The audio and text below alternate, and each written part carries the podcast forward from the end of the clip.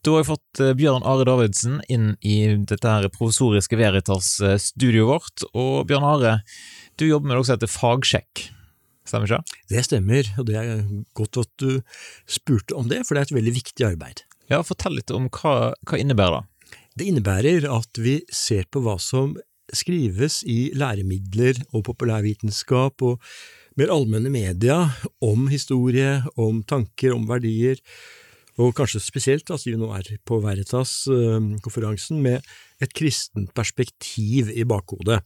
Fordi at det sies veldig mye som på mange måter setter feil eh, en tone om historien, og som samtidig setter en kristen tro og tanke i ganske dårlig lys. Fortell litt om hvordan du jobber. Altså, Sitter du og leser fagbøker ifra A til Å? Ja, det er litt sånn, ikke akkurat tilfeldig, men litt forskjellig hvordan dette gjøres. Så vi får jo tips, og vi får eh, tilgang på, på, læremidler og som, som, vi så kikker gjennom. Det er ikke akkurat fra A til Å disse læremidlene vi gjør, men vi ser på en del nøkkelpunkter. Og så leser vi mye populærvitenskap, og eh, der er det jo også på bestemte områder. Altså hva sier man om opplysningstiden, hva sier man om middelalderen, hva sier man om tro og vitenskap, hva sier man, eller oftere, hva sier man ikke om kristne i dag? Kan du gi noen eksempel på funn dere har gjort? Ja, For å ta ett eksempel da, fra en sånn blandingssjanger, så skulle Maihaugen i vår markedsføre Maihaugens samlinger på Lillehammer, altså et slags eh, folkemuseum for ikke på Lillehammer. Og da hadde de en liten sånn eh, reklamesnutt om eh, gapestokken, som de hevdet da ble innført med kristningen av Norge, og med formål å sette kvinner som hadde fått barn utenfor ekteskap, gi en slags skammekrok, sånn skamstraff for disse.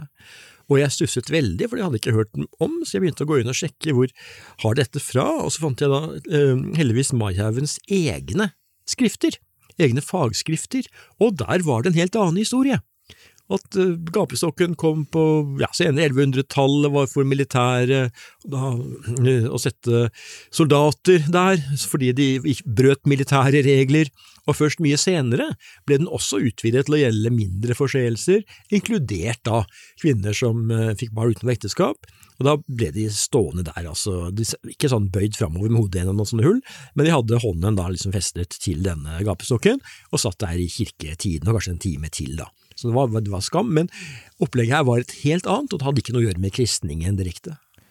Hvordan tok du da videre, da? Altså, Ringte du til noen? Jeg formidlet det til Maihaugen på deres Facebook-side, og de dro inn, stanset hele videoen, de innså at dette her var feil, og laget en helt annen video i stedet. Og det er veldig flott å ha å gjøre med seriøse folk som faktisk erkjenner når de gjør feil, og at ting kommer helt galt ut, og retter opp. Det har vel òg vært eh, saker med lærebøker som, der dere har kontakta forlag? Ja, og det er jo samme sak at eh, seriøse forlag, når de møter kritikk, så vil de undersøke om det er grunnlag for kritikken, og så vil de kanskje mistenke da, ikke sant, at oi, avsenderen, hvem er det, og så kanskje det er en kristen, da, som i dette tilfellet, og da vil de tenke at oi, det er bare fordi at han er snurt som kristen, eh, men, men så ser de da, håper jeg noen ganger, eller ofte, at dette faktisk stemmer, det er ikke noe kilde for det de påstår, at man får ta et klassisk eksempel, hevder at man i middelalderen mente jorden var flat. Det finnes jo ikke noen form for kilder til, eh, og det har de trukket tilbake da, stort sett, og det er veldig få læremidler man ser noe sånt eh, i lenger. Men eh, det er jo mye sånn om vitenskapshistorien, astronomi, Galilei for eksempel, på starten av 1600-tallet, hvor NRK hadde en podkast om dette, i en serie som heter Dette, eller Burde vært pensum. Og da fikk jeg sagt fra at det og det som de hadde denne episoden, var feil, og jeg var fristet til å kalle det 'burde ikke vært pensum'. Eh, så jeg laget en liten eh, artikkel om det på fagsjekk.no, og NRK rettet opp eh, ganske mye, ikke alt, men, men såpass mye at det ble en helt annen og mye bedre fremstilling. Du har jo holdt på med myteknusing i relativt lang tid, og igjen og igjen tatt opp ulike ting, sånn som dette med at folk trodde at jorda var flat, at det er en myte. Blir ikke du litt lei når du kanskje har Du har jo knust den myten noen ganger, og så kommer de hele tiden tilbake. Jo, men noen av disse mytene er blitt knust ordentlig. Den der finner du ikke lenger, egentlig, annet enn i noen bøker for uh, barneskolen, som vi kalte det før. Uh, så, så, den er heldigvis borte, unntatt kanskje de noen bruker som et slags munnhell for å si at det du sier der er som i gamle dager når man trodde jorden var flat, og tror at da har du som arrestert den i å si noe feil. Men eh, så lei og lei, det er jo morsomt da, å finne ut av ting.